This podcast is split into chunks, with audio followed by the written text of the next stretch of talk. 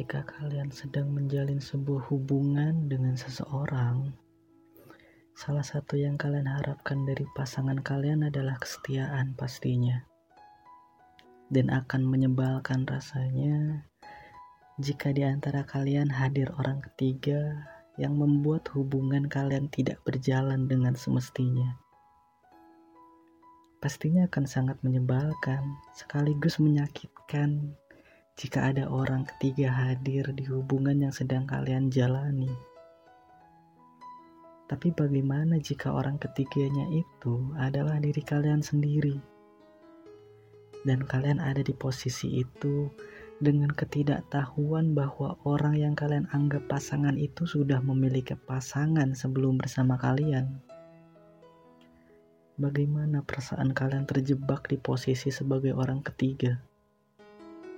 Pasti bingung ya kan?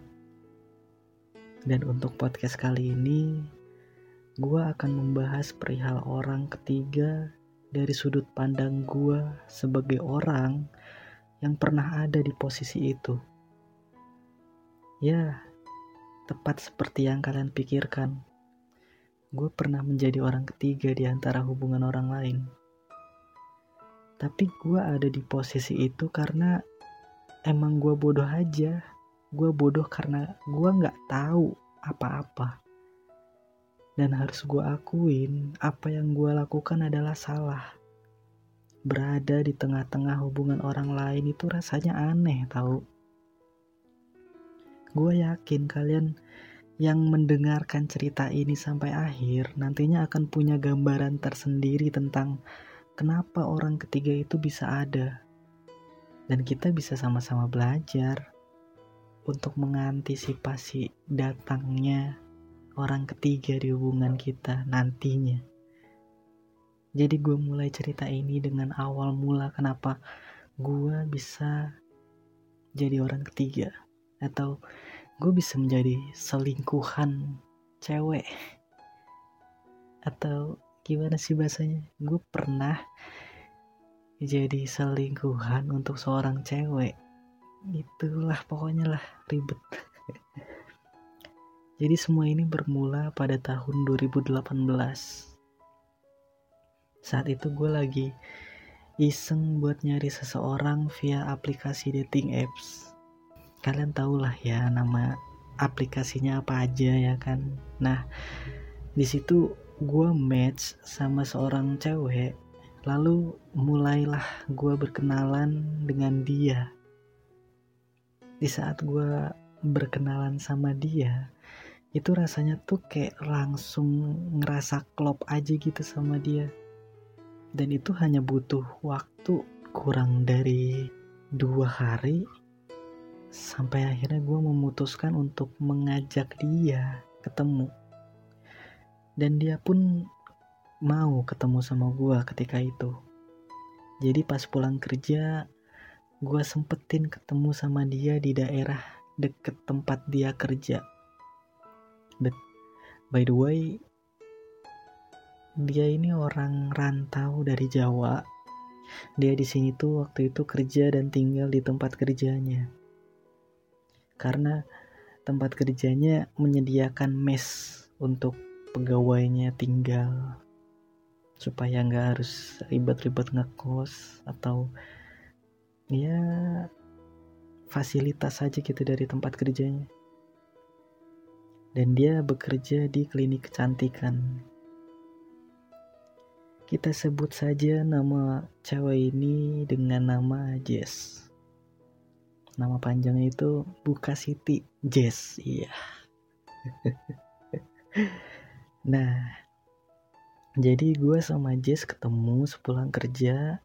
Kita waktu itu ke mall buat jalan-jalan kita ngobrol terus e, diakhiri dengan makan. Lalu ketika makan itu banyak obrolan yang terjadi gue akhirnya lebih mengenal dia lagi karakternya seperti apa. Dan gue masih bisa menjabarkan karakter dia sampai detik ini dia itu lucu dia itu hmm, apa ya? Dia itu punya tingkah yang lucu.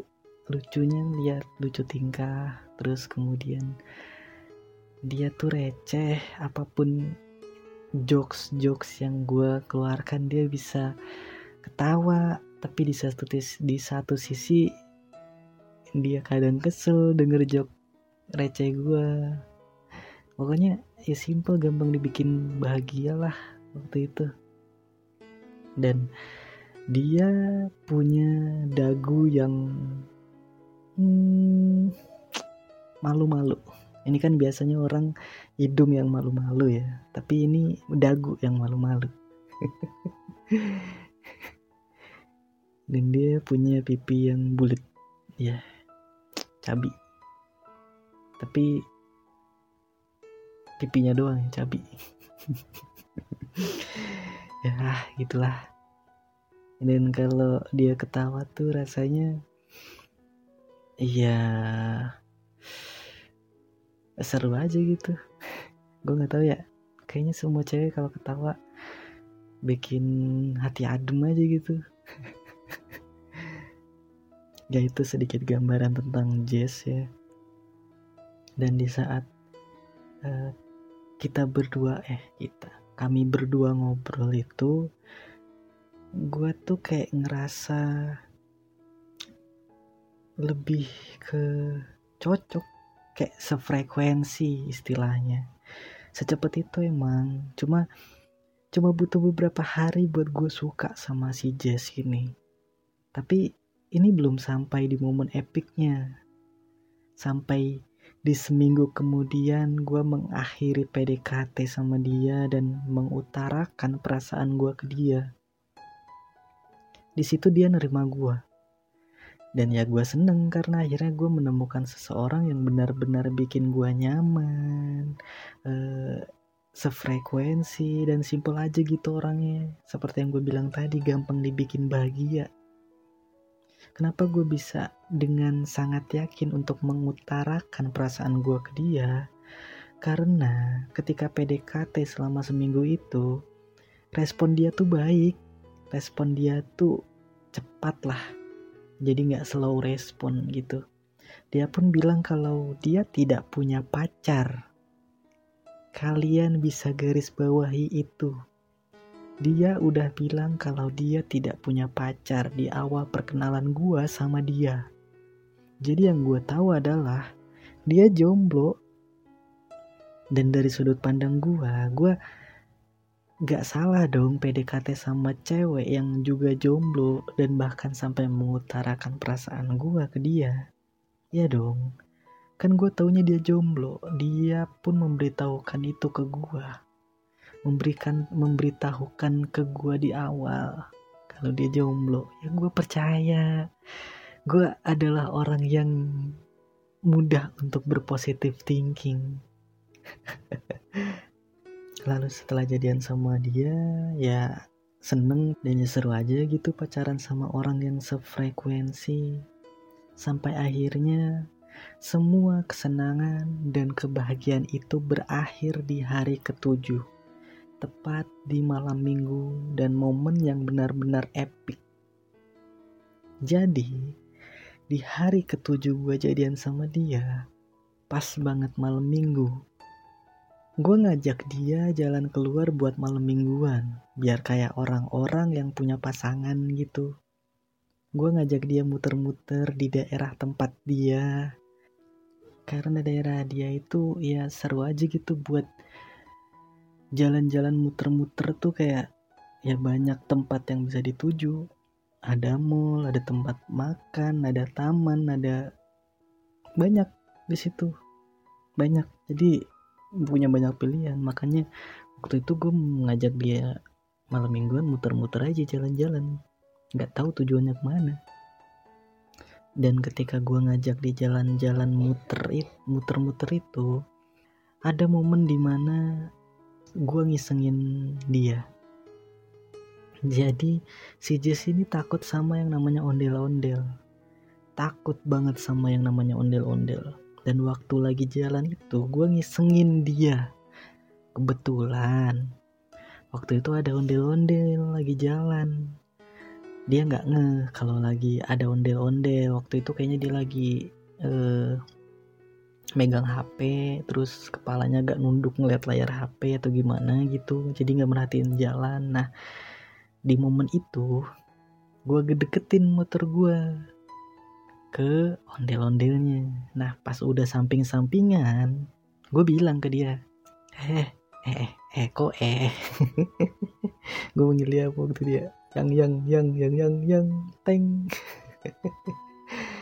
Ya yang itu kamu lihat deh ada teman kamu di sebelah kamu. Nah gue bilang gitu.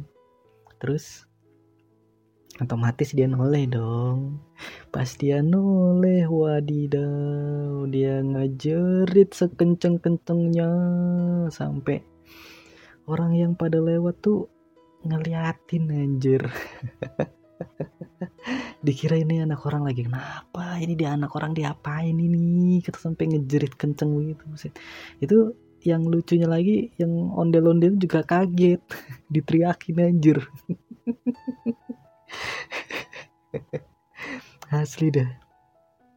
Itu bener-bener momen heboh dan menarik banyak perhatian. Ya itu adalah salah satu momen yang menyenangkan waktu itu. Menyenangkan karena gue mengisengi dia dan dia nggak marah cuma ya kayak cewek-cewek yang kalau kesel judes ngambek gitu cuma agak-agak manja gitu gimana sih? Gemes waduh. Ya oke okay, lanjut. Nah, abis dari gue ngisengin dia dan udah muter-muter, akhirnya gue putuskan untuk ngajak dia makan. Karena kami berdua sama-sama belum makan waktu itu. Kasian kan anak orang nih, diajak muter-muter, gak dikasih makan. Lu, aduh. Nih buat yang cowok-cowok nih, peka lah. Kalau lu ngajak anak orang atau ngajak gebetan pasangan, pacar, selingkuhan minimal lu ajak makan kalau keluar jangan cuma modal bensin jalan-jalan tempat gelap wah tapi nggak lu ajak makan anak orang anjir. Masuk angin ntar apa? Mahnya kambuh. Wah. Langsung besok-besok kalau pengen ngajak apa jalan lagi langsung. Wah. Aku sibuk aku sibuk aku sibuk. Terus pas uh, sampai tempat makan makanlah kita sam sambil ngobrol-ngobrol lagi. Dan gak terasa waktu sudah menunjukkan pukul form apa? Hmm, formal sekali bahasanya. Eh baku sekali bahasanya. Kenapa formal anjir? Baku sekali bahasanya. Waktu menunjukkan pukul waduh. Jadi waktu itu kira-kira jam setengah sepuluhan karena nggak kerasa aja gitu kalau lu pernah nggak sih ada di momen di mana misalkan lu jalan keluar keluar abis maghrib lah setengah tujuh. Terus entah lu mau ke mana gitu entah mungkin ke taman sambil jajan cilok batagor atau apa telur gulung atau nongkrong di coffee shop coffee shop. Lu ngobrol aja tuh sambil uh, lu nggak nggak nggak sibuk sama HP masing-masing. Karena ngobrol berdua aja. Tiba-tiba pas kalian ng ngeliat jam uh nggak berasa udah dua jam kalian ngobrol udah tiga jam kalian ngobrol. Kayak waktu tuh nggak berasa aja gitu ketika lu lagi quality time sama pasangan tuh waktu berasa cepet banget. Kalian pasti menyadari itu. Nah itu yang terjadi ketika gua dan sering kali terjadi ketika gue lagi sama orang yang selalu gue taksir atau gue gebet ketika gue lagi ngajak jalan keluar kayak anjir waktu cepet banget dah. Terus akhirnya jalan pulang jam setengah sepuluh itu dan pas di tengah jalan kami berdua kehujanan.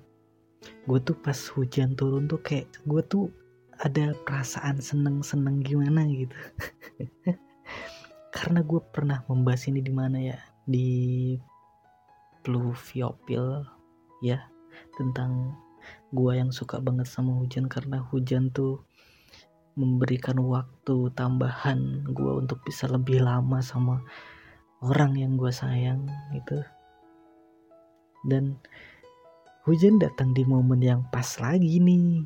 Untuk kesekian kalinya nih hujan mensupport gue untuk bisa lebih lama sama dia nih. Makanya gue seneng dong pas hujan turun. Dan turunnya membawa kebahagiaan pastinya kebahagiaan tersendiri buat gue karena gue masih bisa berlama-lama walaupun resikonya gue akan pulang lebih malam. Jadi ketika hujan turun gue ngajak dia neduh dan ya neduh sambil lagi-lagi ngobrol lagi neduh ngobrol. Dan gak berasa setengah jam kemudian hujan pun mulai mereda ya. Masih ada rintik-rintik gerimis belum benar-benar berhenti. Cuma waktu itu karena orang-orang yang ikut neduh bareng gua di ruko pun udah pada lanjut jalan ya udah gua pikir oh udah reda nih. Ya udah gua ajak dia lanjut jalan. Eh pas udah tinggal dikit lagi nih udah tinggal dikit nyampe nih udah tinggal kira-kira 300 meteran lah mau sampai gitu Eh, hujannya deras lagi. Ini bukan apa-apa nih. Mohon maaf. Ini gue di prank apa gimana? Emang sih gue disupport sama hujan yang turun. Cuma kan ini gue lagi bonceng anak orang nih. Ya kali kalau gue ngajak dia hujan-hujanan, ntar dia masuk angin, besok nggak kerja, hmm, merasa bersalah gue jadi tolonglah ini. Kenapa gue ngeluhnya sekarang anjir? Kemarin uh, kemarin lagi. Harusnya berapa tahun yang lalu tuh request gitu sama hujan hujan eh kalau yang anak tiktok jam sekarang. Langit bolehkah eh bolehkah kamu turun bersama kebahagiaan tapi jangan kebanyakan. Nanti masuk angin. Terus karena waktu itu udah nggak ada tempat neduh lagi pas hujan turun der, langsung deras banget itu akhirnya ya udah. Mau nggak mau diterabas aja udah terobos gasken aja udah.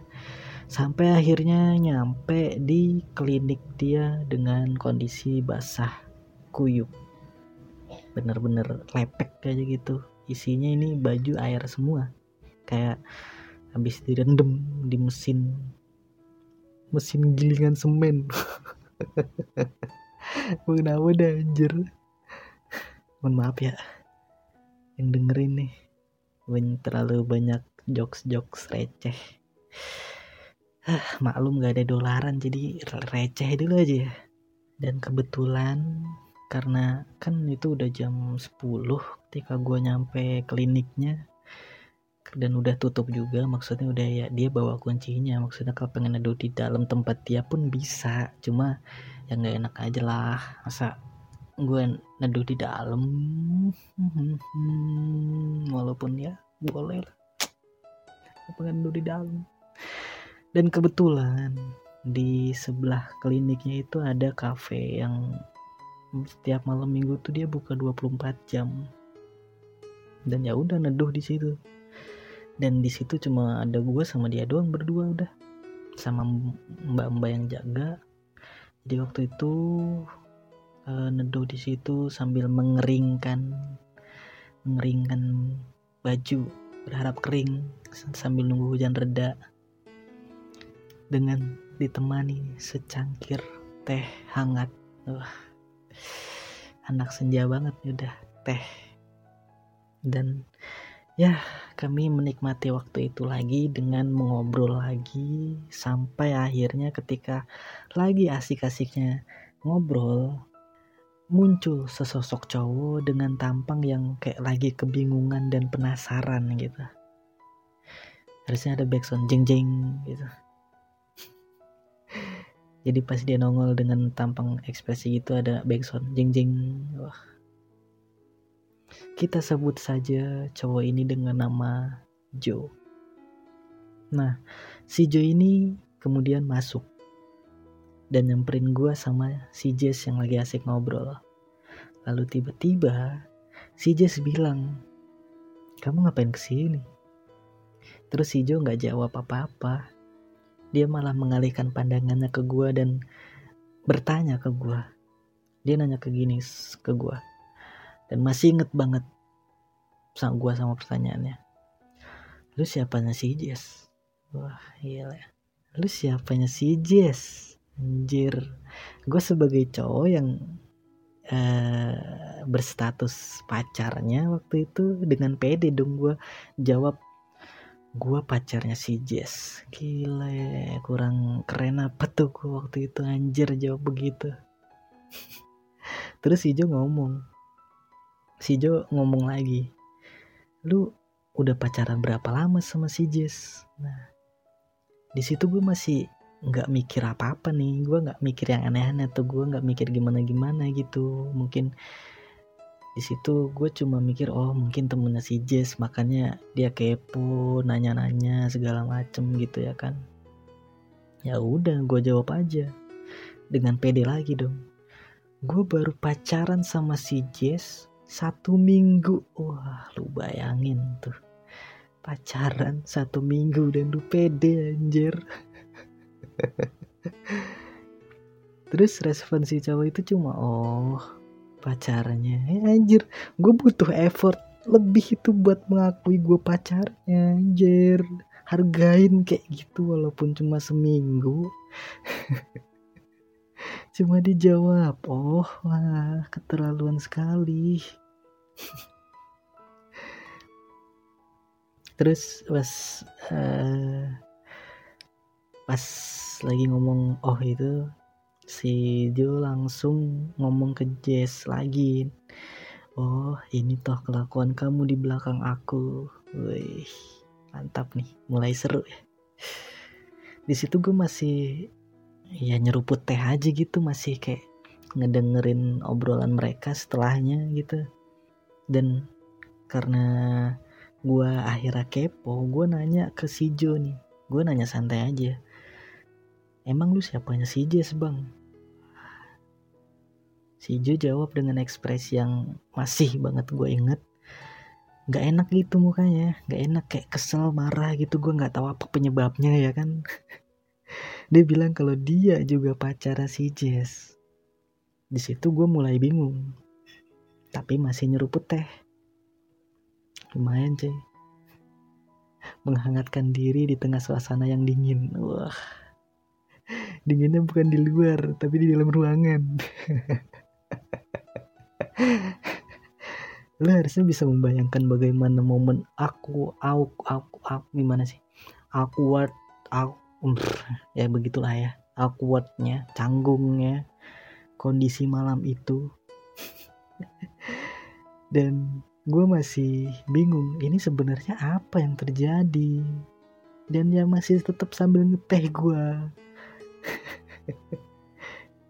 tapi yang terjadi selanjutnya di luar perkiraan gue di sinetron-sinetron yang gue tonton pada masanya ya.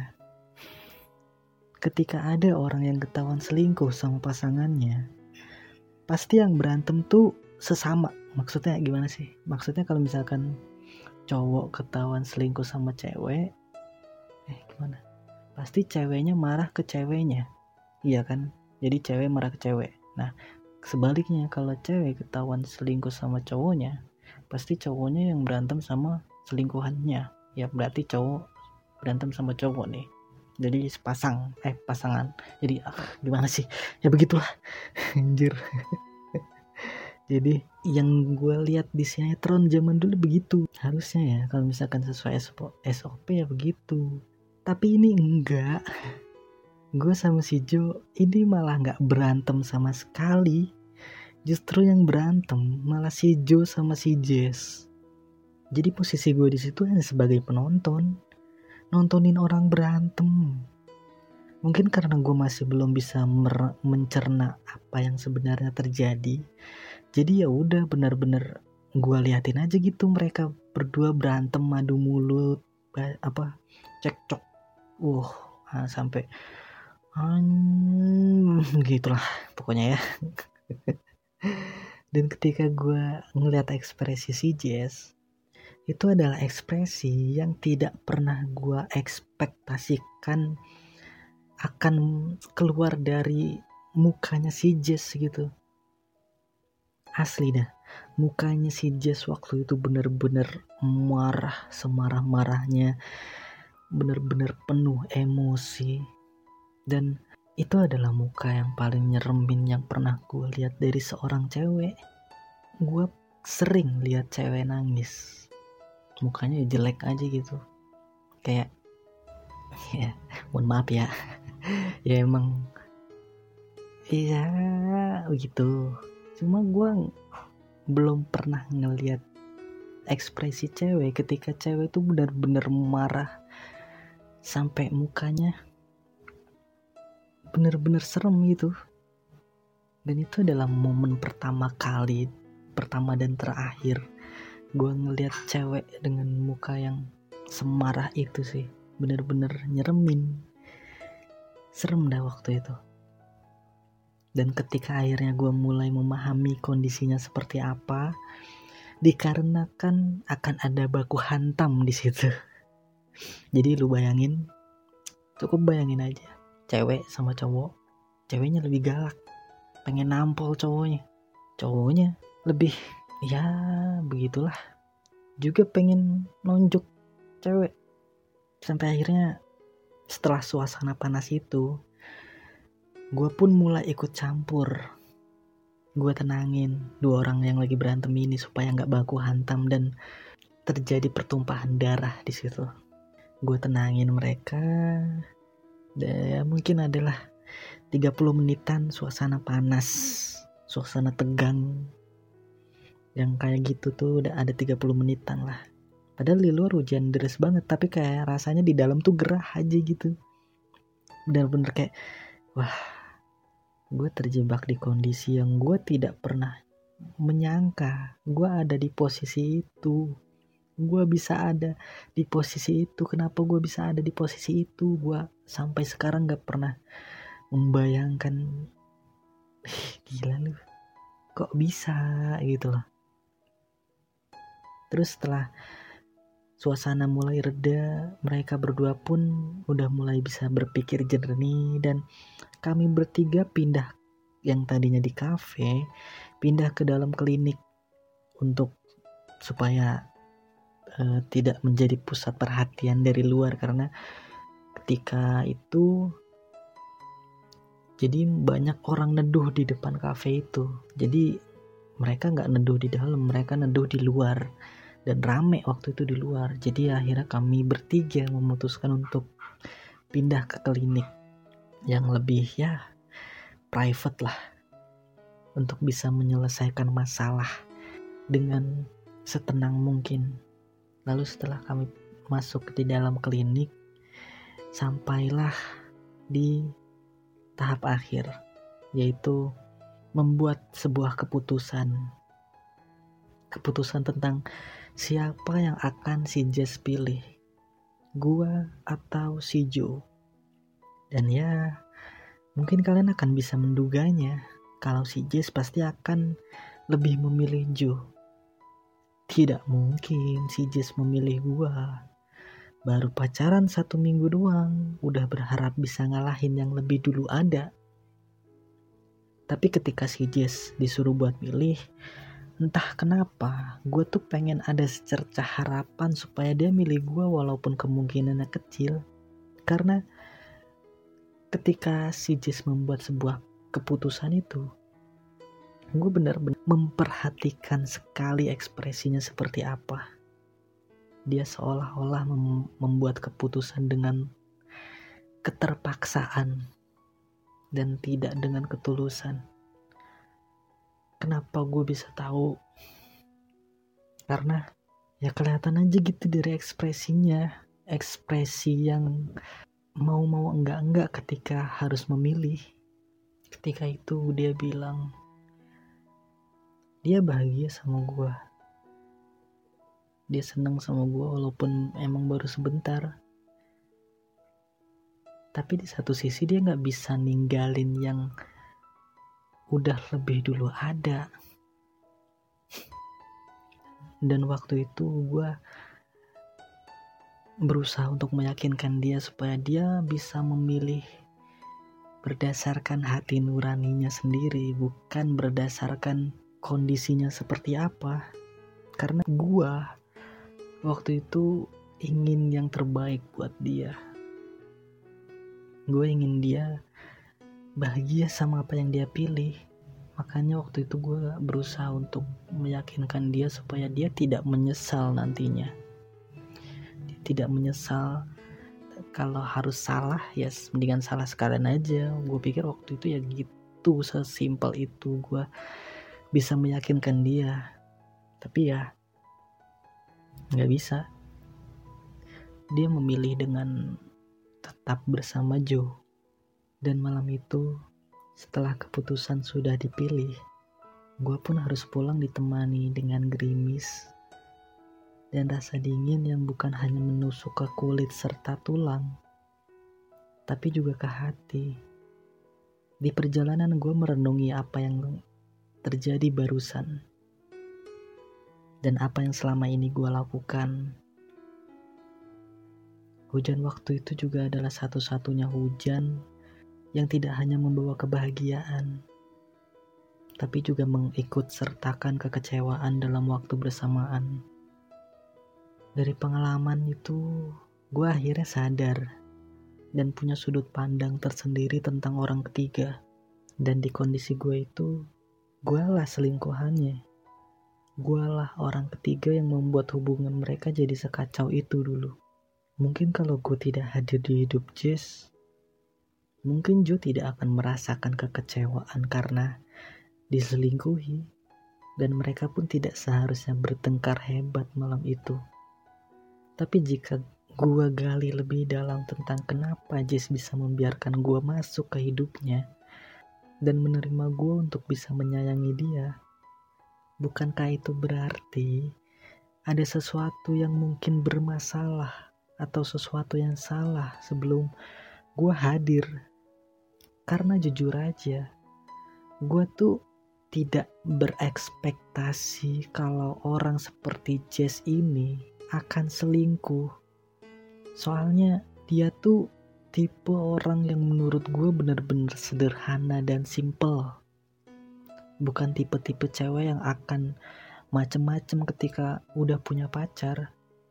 Dan kalaupun gue tahu bahwa Jess sudah punya pacar, gue gak akan pernah mau masuk lebih jauh ke hatinya gue tidak pernah ada sedikit pun niatan untuk merusak hubungan orang lain. Gue akan menghargai sebuah hubungan itu. Karena gue pun tidak mau hubungan gue rusak karena orang ketiga. Makanya gue bilang di awal, gue ada di posisi orang ketiga ya karena gue bodoh aja. Mudah untuk gue percaya, mudah untuk gue jatuh hati, di mana semua perasaan itu nyata dan aslinya hanya buat gue aja. Gue tuh bahagianya beneran. Tapi tanpa gue sadari, ternyata ada sesuatu yang dia sembunyikan. Gue gak sadar kalau dia bohong. Gue pun akhirnya bertanya-tanya apakah semua canda dan tawa yang dia tampilkan saat itu benar-benar asli untuk gue atau hanya perasaan senang berlebihan aja yang gue rasakan sampai akhirnya gue tahu itu semua bohong. Hatinya tidak pernah buat gue. Hatinya itu milik orang lain. Dan gue dengan lancangnya hadir tanpa tahu apa-apa. Gue hadir tanpa tahu kalau hati itu milik orang lain. Kecewa yang saat itu gue rasakan benar-benar memberikan tamparan yang lebih dari sekedar keras untuk menyampaikan sebuah kenyataan. Dan dari situ gue menyadari bahwa sebuah hubungan itu harus didasarkan dengan kejujuran dan keyakinan, serta perasaan yang sama. Lu harus yakin untuk menerima seseorang. Lu harus yakin menerima dia karena emang lu beneran sayang sama dia. bukan karena kasihan atau rasa gak enakan. Karena ketika lu menerima seseorang dengan perasaan tidak enakan, lu akan cenderung merasa bersalah aja gitu. Entah sama diri lu sendiri, atau sama orang yang lu terima itu. Kalau misalkan lu gak suka sama dia, ya lebih baik jujur aja ketimbang terjadi hal-hal yang tidak diinginkan ketika sedang menjalani sebuah hubungan. Lebih baik mengecewakan seseorang dengan penolakan di awal ketimbang ada dua orang yang akan kecewa karena sebuah keterpaksaan. Banyak orang bilang orang ketiga itu tidak akan bisa hadir jika tidak dipersilahkan. Dan itu benar ketika lu gak bahagia, ketika lu gak nyaman sama hubungan yang lu jalani, mencari orang baru adalah sebuah pilihan yang salah untuk lu pilih ketika lu sedang berada di dalam suatu hubungan. Mencari orang baru dan menyembunyikannya. Apa kamu yakin? Kamu yakin bisa menutupi kebohongan selamanya? Belum lagi kamu membuat dia merasa seolah-olah dia satu-satunya Padahal dia hanya sekedar pilihan kedua hanya karena kebetulan cocok aja sama apa yang kamu cari. Kasihan tahu jadi orang yang merasa dirinya satu-satunya. Padahal dia hanya sekedar selingkuhan. Dia hanya sekedar selingan. Karena gue benar-benar mas karena gue benar-benar merasakan bagaimana kecewanya ketika sadar kalau gue bukan satu-satunya dan gue hanya sekedar orang ketiga. Gue hanya sekedar selingkuhan. Gue hanya sekedar selingan. Tapi ya gimana? Memang pada kenyataannya akan ada orang yang akan merasa dirinya terjebak aja gitu di suatu hubungan. Banyak tahu orang yang merasa dirinya terjebak di suatu hubungan yang sebenarnya tuh dia dari awal nggak pengen ada di situ. Cuma karena mungkin nggak enakan atau mungkin karena rasa terima kasih atau bagaimana sampai akhirnya ya dia harus menerima untuk ada di kondisi seperti itu dengan keterpaksaan. Pengen keluar tapi nggak bisa. Pengen bilang tapi nggak tahu caranya makanya pada akhirnya memilih alternatif untuk mencari orang lain dan memainkan dua peran yang keduanya itu melibatkan perasaan. Menyimpan rahasia sendirian yang pada akhirnya ketika rahasia itu terbongkar akan ada tiga hati yang terluka sekaligus. Hati pasangan kamu, hati selingkuhan kamu, dan juga hatimu sendiri hanya karena ketidakberdayaan kamu untuk menyampaikan kejujuran, kamu malah memilih pilihan yang berisikan kebohongan. Jujur, gue merasa kasihan. Sebegitu tidak bahagianya kamu sampai bisa memainkan peran yang cukup sulit untuk kamu mainkan. Bahagia yang kamu inginkan tidak kamu dapatkan, malah diberikan bonus kekecewaan oleh kenyataan. Begitulah dilemanya memiliki hati dan perasaan. Jadi, berhati-hatilah dengan hati yang kamu yakini satu-satunya. Bisa jadi kamu hanya alternatifnya saja. Yang kamu yakini dia milikmu seutuhnya. Bisa jadi kamu tidak pernah benar-benar mendapatkannya. Bahkan untuk menggenggam bayangnya saja, rasanya belum bisa. Jadi hati-hati ya sama yang namanya hati. Terlalu sensitif dan rapuh.